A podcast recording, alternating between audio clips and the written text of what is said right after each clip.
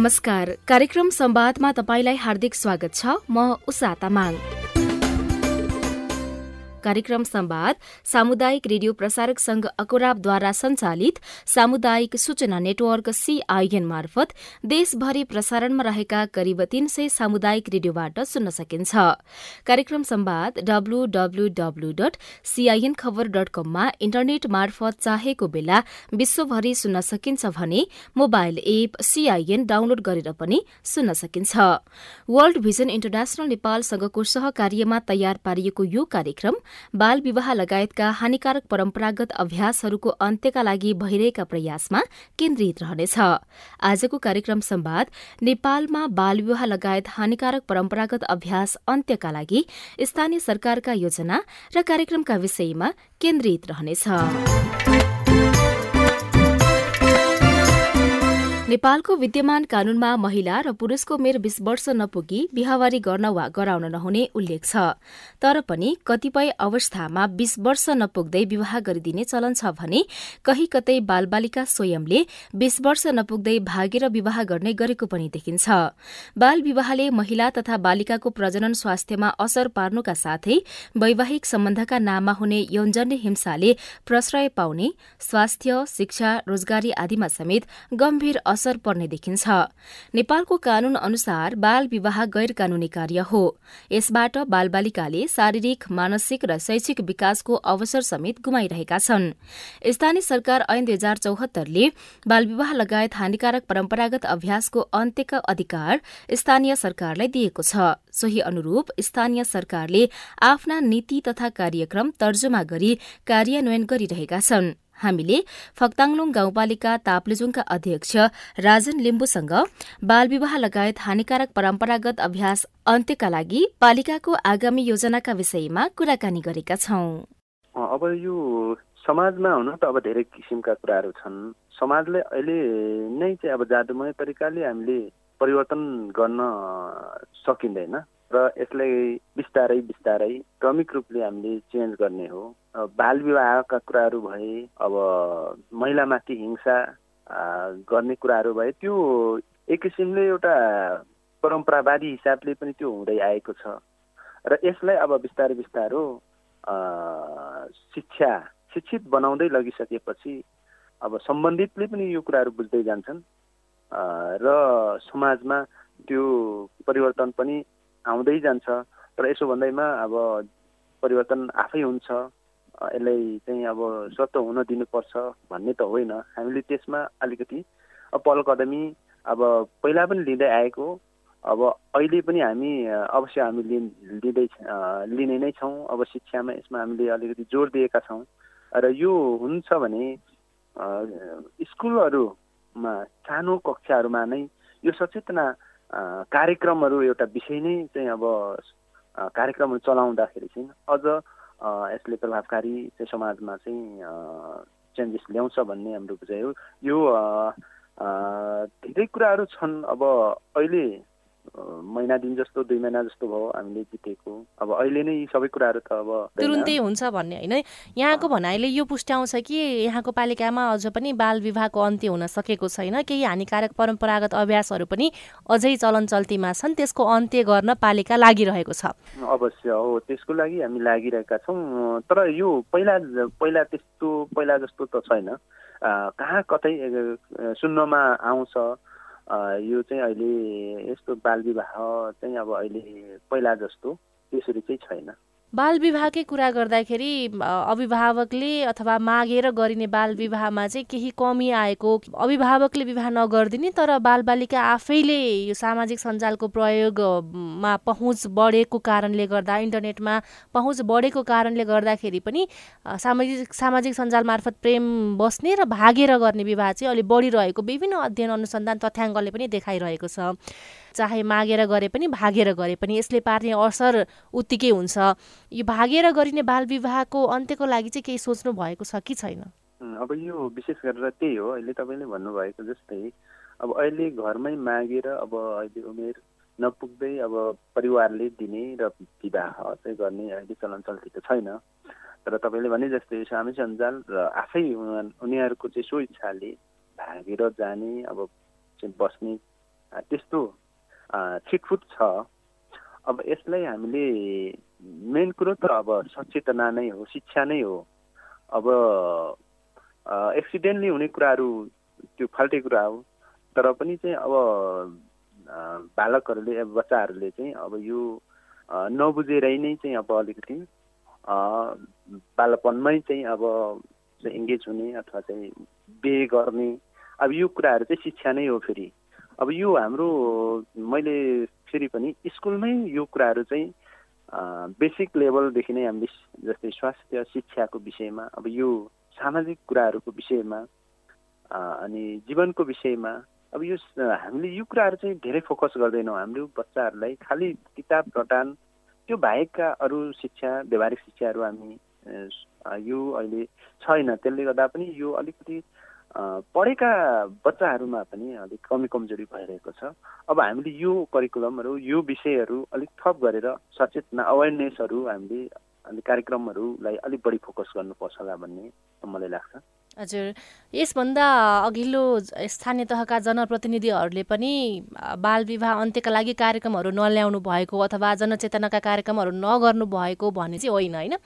गर्नुभएको थियो। तर प्रभावकारी रूपमा कार्यान्वयन हुन नसक्दाखेरि चाहिँ जति सोचिएको थियो त्यो अनुसारको परिणाम हात पार्न नसकेको देखिन्छ। अब तपाईँले तपाईँका योजनाहरूलाई कार्यान्वयन गर्नको लागि मात्रै होइन प्रभावकारी रूपमा कार्यान्वयन गर्न चाहिँ के नीति अवलम्बन गर्नुहुनेछ त? अब यो थोरै अगाडिको कुराहरूले जोड्दाखेरि अब यो विषयमा चाहिँ अब एनजिओहरू मार्फत यस्ता कार्यक्रमहरू सञ्चालन गर्ने अब यो कस्तो हुँदो रहेछ भने अब त्यो व्यवहारिकमा लागू नहुने। फोकस गरेर हामीले त्यही विषयमा त्यही पर्सनहरूलाई हामीले विषयगत ज्ञान दिनुपर्ने हुन्छ।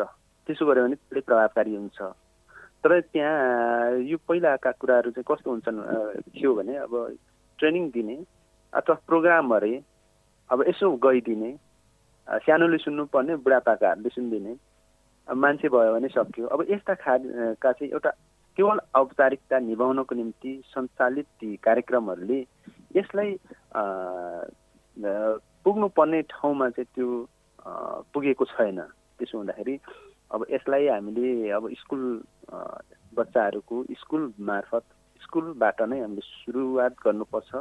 भन्ने नै चाहिँ मलाई चाहिँ लाग्छ। त्योभन्दा बाहिर गरेका कुराहरू त्यति प्रभावकारी हुँदैनन् जस्तो लाग्छ। अब स्कुल उमेरमै हामीले दिनुपर्छ। यी कुराहरू उनीहरूलाई सिकाउनुपर्छ अवेरनेस गराउनुपर्छ। बाहिरका कुराहरूले त्यति अब हाम्रो एउटा कल्चरले पनि के छ भने स्कुलमा सिक्ने भन्ने हुन्छ। बाहिरतिर चाहिँ अब सिक्ने खासै त्यस्तो खालको एउटा हाम्रो चाहिँ एउटा रीतिरिवाज पनि छ। त्यसो हुँदाखेरि हामीले त्यही ठाउँमा हामीले त्यो शिक्षाहरू प्रदान गरिनुपर्छ। त्यसले चाहिँ प्रभावकारिता आउँछ भन्ने चाहिँ मेरो बुझाइ छ। हजुर। यो कुरीति कुसंस्कारका कुराहरू चाहिँ कहीँ न कतै हाम्रो धर्मसँग पनि जोडिएको र धार्मिक आस्थाकै कारणले गर्दाखेरि हिंसाहरू हुने गरेको पनि देखिन्छ यदा कदा तपाईँले चाहिँ यसको अन्त्यको लागि धार्मिक अगुवा अथवा धार्मिक गुरुहरूसँग सहकार्य गर्ने योजना बनाउनु भएको छ कि छैन त? अब अहिले हाम्रोमा विशेष गरेर अब लिम्बू जाति किराँतीहरू र चाहिँ बुद्धिस्टहरू र थोरै चाहिँ अब आर्य खस आर्य भएको हुनाले अब हामीमा यो चलन चल्तीहरू भएका त्यस्तो खासै अब अलिकति निकै नै चाहिँ नकारात्मक खालको त्यस्तो खालको रीति त्यस्तो कुरीति त छैन। पहिलाको भन्दा अहिले राम्रो भएको छ विकास भएको छ। पर्याप्त चाहिँ होइन हामीले यसमा अलिकति चेन्जेस ल्याउनै पर्छ जस्तै अब अहिले पनि हाम्रो चाहिँ बिहे बर्खन्त गर्दाखेरि ठुला ठुला चाहिँ अब धनराशिहरू खर्च हुने अनावश्यक धनराशिहरू खर्च हुनेमा पनि त्यसलाई चाहिँ अब परिवर्तन गर्ने। अब यी कुराहरू त अझै पनि हामीले चाहिँ अब गरिरहेका छौँ होइन। अब समाजमा भइरहेको पनि छ विभिन्न धर्म संस्थाहरू मार्फत पनि यी कुराहरू चाहिँ बिस्तारै बिस्तारो चेन्जेसहरू त आइरहेको छ। अब यस्तो पनि हुन्छ फेरि अब हामीले धर्म संस्कृतिहरू टोटल्ली चेन्ज गरेर अरूतिर नै लाग्दाखेरि पनि त्यो समाजले एक्सेप्ट नगर्दो रहेछ। अब जस्तै लिम्बूमा पहिला पहिला लिम्बू के अरे एउटा संस्कृतिमा के थियो भने पहिला पहिला अत्या अत्यन्तै धेरै यो मादक पदार्थ अथवा चाहिँ जाँड रक्सी चलन चल्ती थियो। अब त्यसलाई चाहिँ अब अलिक रूपान्तरण गर्न अथवा त्यसलाई चाहिँ अलिक कमी गर्न त्यहाँ एउटा धर्मको जन्म भयो अहिले पनि चाहिँ यो किराँत धर्म भनेर चाहिँ बुझिन्छ। अब उहाँहरूले निकै ठुलो चेन्जेस गरे। तर त्यहाँ समाजको लागि ठुलो चेन्जेस थियो। तर त्यहाँ बुझाइमा फेरि समाजमा चाहिँ थियो एउटा ठुलो एउटा चाहिँ विवाद जस्तो। अब यो अर्कै खालको मान्छेहरू अर्कै खालको यी यस्ता खालको चाहिँ बुझाइहरू समाजमा रहन्छन्।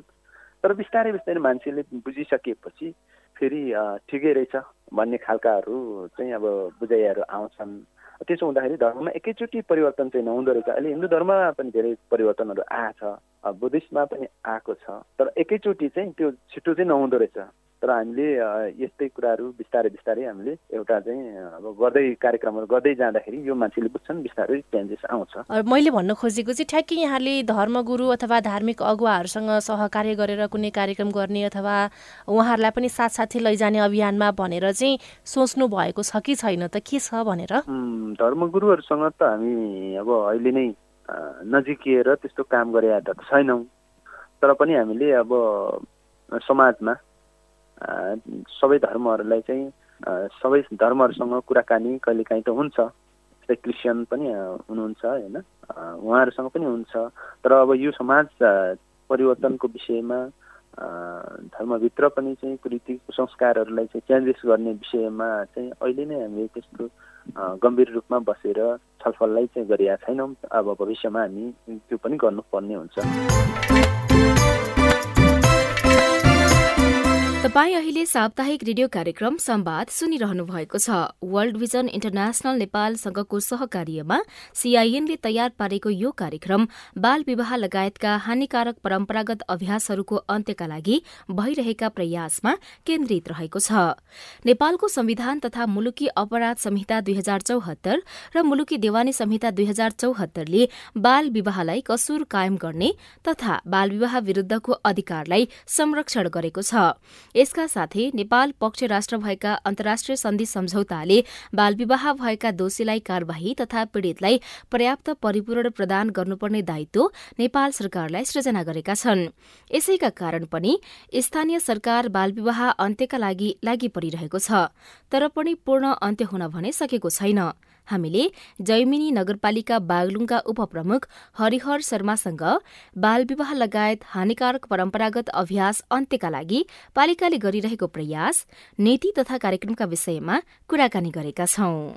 अहिले बाल विवाहको अवस्था एकदमै कम हुँदै गएको छ पहिला जस्तो अवस्था छैन। तर विभिन्न समुदायहरू जो पिछडिएको समुदाय चेतनाको दायराभित्र नभएका समुदायका बालबालिकाहरूको केही बाल विवाह हुने अवस्था छ। तर अहिलेको पछिल्लो जो व्यवस्था छ जो व्यवस्थाले गर्दा बिस वर्ष पुगेर मात्रै विवाह गर्नुपर्ने हुँदाखेरि त्यो त्योभित्र अठार उन्नाइस वर्षतर्फतिर बिहा गर्ने विवाह गर्ने प्रचलन त। अहिले पनि छ तर बाल विवाहको रेसियो चाहिँ एकदमै अहिले घट्दै गइरहेको अवस्था छ। यो चाहिँ कसरी सम्भव भयो? के कारणले चाहिँ न्यूनीकरण हुँदै गइरहेको यहाँले पाउनु भएको छ। पहिलो कुरा त तपाईँले भने जस्तो अभिभावकको लागि त्यस्तो बाल विवाह गराउने त्यो क्रम एकदमै न्यून भएको छ त्यो रोकिएको छ। त्यस त्यो सँगसँगै जो बालबालिकाहरू आफै मन पारेर भाग्ने जो खालको अभ्यास थियो त्यो पनि बिस्तारै कम हुँदै बिस्तारै शिक्षाको चेतनाको विभिन्न ढङ्ग कहिले गाउँ गाउँमा सञ्चार सबै खालका नेट इन्टरनेटको एक्सेसहरू यसबाट हुने समस्याहरूका बारेमा पनि अहिले विभिन्न ढङ्गबाट प्रचार प्रसार भइराखेको र समाजमा विभिन्न अन्तर्क्रियाहरू जागरणका कार्यक्रमहरू पनि जोडिएका कारणले गर्दा त्यो न्यूनीकरण हुने अवस्थामा पुगेको छ। बाल विवाह आफैले भागेर गर्ने विवाहको अवस्था चाहिँ कस्तो छ? त्यो केही मात्रामा छिटफुट मात्रामा भागेर गर्ने विवाहहरू अहिले पनि भइरहेका छन् तर त्यो त्यो समुदायलाई त्यो समूहलाई त्यो खालको जसले आफूलाई धेरै कुरा भविष्यका बारेमा नसोचिकन सानो खालको चाहिँ समझदारीमा सानो सोचमा सानो सपनामा उनीहरू भागेर विवाह गर्ने त्यो खालको अवस्था छ। त्यसलाई रोक्न चाहिँ थप हामीले मेहनत गर्नुपर्ने थप काम गर्नुपर्ने छ। छिटफुट रूपमा ती खालका विवाहहरू अहिले पनि भइरहेका छन्। बाल विवाहको कुरा त आइसकेको छ। अन्य हानिकारक परम्परागत अभ्यासहरूको अवस्थालाई चाहिँ यहाँले कसरी लिनु भएको छ हाम्रो समाजको जो बनोट छ समाजको जे मनोविज्ञान छ जुन खालको हामी संस्कारहरूबाट हुर्किँदै आएका छौँ त्यसले कतिपय संस्कारगत रूपमा परम्परागत रूपमा हाम्रा केही खराब खालका अवधारणाहरू खराब खालका अभ्यासहरू पनि छन्। जस्तो तपाईँले अगाडि पनि जोड्नु भएको थियो त अहिले पनि अहिलेको युगमा पनि बक्सी प्रथा जस्ता एकदमै ती खालका कुरीतिहरू पनि हाम्रो समाजमा अलिअलि रहेका छन्। त्यो अहिले बिस्तारै कम हुने क्रममा छ। समाजमा अरू खालका विभिन्न खालका हिंसा घरेलु हिंसाहरू महिला हिंसाहरू विभिन्न खालका चाहिँ विभेदीकरणका अवस्थाहरू पनि अहिले पनि समाजमा विभेदका केही समस्याहरू पनि छन् तर त्यसलाई बिस्तारै अहिले एउटा नयाँ पुस्तामा अहिले जागरण लिएर आएको छ। यी खालका कुरुतिहरूलाई अन्त्य गर्नका निम्ति त्यो नयाँ पुस्ता तयार छ। तर अब एउटा पाको पुस्ता आज पनि ती सबै कुराबाट माथि उठ्नका निम्ति तयार भइरहेको अवस्था छैन र बिस्तारै एउटा परिवर्तनको बाटोमा चेतनाको बाटोमा समाज गइरहेको छ भन्ने कुरा चाहिँ अनुभूत गर्न चाहिँ सकिन्छ। लामो समयदेखि समतामूलक समाजको निर्माण गर्ने परिकल्पना गरिएको भए तापनि त्यो चाहिँ ठ्याक्कै हुन सकिरहेको अवस्था छैन। यद्यपि यहाँको पालिकामा त्यो प्रयास भइरहेको कुरा यहाँले बताइरहँदाखेरि त्यो हुन नसक्नुको पछाडिको कारणलाई चाहिँ कसरी केलाउनु भएको छ यहाँले? यसका निम्ति हामीले जे काम गर्नुपर्ने हामीले यो यसलाई परिवर्तनका निम्ति जे कुरामा हामी पुग्नुपर्ने त्यो कुराभन्दा अलिक टाढा। हामीले चेतनाका कार्यक्रमहरू पनि अलि माथिल्लो तहमा हुने तर जहाँ पुग्नुपर्ने जुन समुदायमा जुन बस्तीमा जुन क्षेत्रमा पुग्नुपर्ने त्यहाँ नपुग्नु हामीले त्यसलाई त्यो समाजका पछाडि परेका वर्गका मनोविज्ञानहरूलाई बुझ्न नसक्नु राज्यको यो एप्रोच पनि सहज खालको नहुनु यस्ता धेरै खालका कारणहरू हामी त्योसँग जोडिएको छ। र हामीले हाम्रा विद्यालय शिक्षादेखि लिएर हाम्रा सबै राज्यका चेतनाका कार्यक्रमहरूलाई ठिक ढङ्गबाट हामी जनताका बिचमा विद्यार्थीका बिचमा समुदायका बिचमा सम्प्रेषण गर्न नसक्दाखेरि पनि यो समस्या भएको छ। राष्ट्रिय रूपमा कार्यक्रमहरू छन् तर तल राम्रो गरी पुग्न सकेका छैन तर अब स्थानीय सरकारले त्यसलाई व्यवस्थित ढङ्गबाट प्रभावकारी ढङ्गबाट त्यो समुदायका बिचमा जनताका बिचमा लिएर जान सक्यो भने ती समस्याहरूलाई हल गर्न सकिन्छ निरूपण गर्न सकिन्छ भन्ने हाम्रो बुझाइ छ। हाम्रो जति पनि कुसंस्कारहरू छ कुसंस्कृतिहरू छ रीतिरिवाज छ त्यो चाहिँ सबै हाम्रो धर्मसँग कुनै न कुनै हिसाबले जोडिएको हामीले पाउँछौँ। पछिल्लो समय धार्मिक अगुवाहरूलाई यस्ता अभियानमा सँगै लिएर गयो भनेदेखि अन्त्य गर्न चाहिँ सहज हुन्छ भन्ने चर्चा चलिरहँदाखेरि यहाँको पालिकाले धार्मिक अगुवाहरूसँग धार्मिक गुरुहरूसँग सहकार्य गर्ने योजना बनाएको छ कि छैन त? हामी सबै ती धार्मिक अगुवाहरू सन्त हाम्रो हाम्रो क्षेत्रमा भएका सन्त व्यक्तित्वहरू ती खालका विभिन्न सन्दर्भमा नेतृत्व गर्ने सामाजिक व्यक्तित्वहरूलाई हामीले सहकार्य गरेर नै हामी काम गर्न चाहन्छौँ। त्यो खालको वातावरण हामी निर्माण गर्न चाहन्छौँ र हाम्रो पालिकामा विविधयुक्त विभिन्न खालका जाति जनजातिहरू विविध विभिन्न खालका धर्म वर्ग समुदायका मानिसहरू त मिश्रित हाम्रो नगरपालिका मिश्रित मिश्रित बस्ती भएको कारणले हामीले सबैलाई त्यो संयोजन गर्दै अगाडि लिएर जाने कोसिस गरेका छौँ र त्यसले एउटा मिश्रित कुराले गर्दाखेरि हामी कहाँ त चेतनाको दायरामा आउनका निम्ति सजिलो पनि पुऱ्याएको छ। काहीँ कहीँ अलिक कुनै कुनै समुदायमा अलिक थप कुनै कुनै गाउँघरमा थप विभेदको वातावरण थप कुरीतिका वातावरणलाई पनि कहीँ कहीँ त्यसले मलजल पुऱ्याएको छ। त्यस अबको दिनमा त्यो खराब कुरालाई मलजल पुर्याउने प्रवृत्तिलाई अन्त्य गर्दै हामी सबैलाई ती खालका सामाजिक अगुवाहरू नागरिक अगुवाहरू धार्मिक अभियन्ताहरू सबैलाई हामीले समाजको मूल प्रवाहमा जोडेर उहाँहरूका मार्फत रूपान्तरणको परिवर्तनको एउटा सदाचारको सद्भावको वातावरण हामी निर्माण गर्न चाहन्छौँ। यहाँले यी सबै कुराहरूको अन्त्यको लागि नागरिकहरूसँग कस्तो अपेक्षा गर्नुहुन्छ?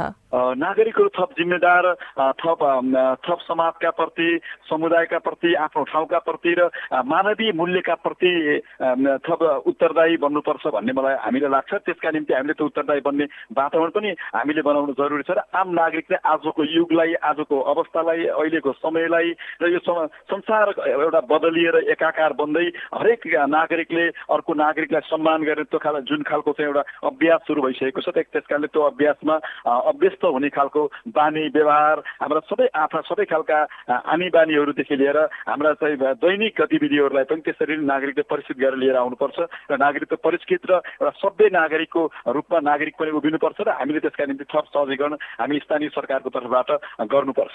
हजुर स्थानीय सरकारले यो कुरीति अन्त्यका लागि कार्यक्रमहरू ल्याइरहँदाखेरि कार्यान्वयनको पाटो जहिले पनि फितलो भयो भन्ने खालको गुनासोहरू आउँछन्।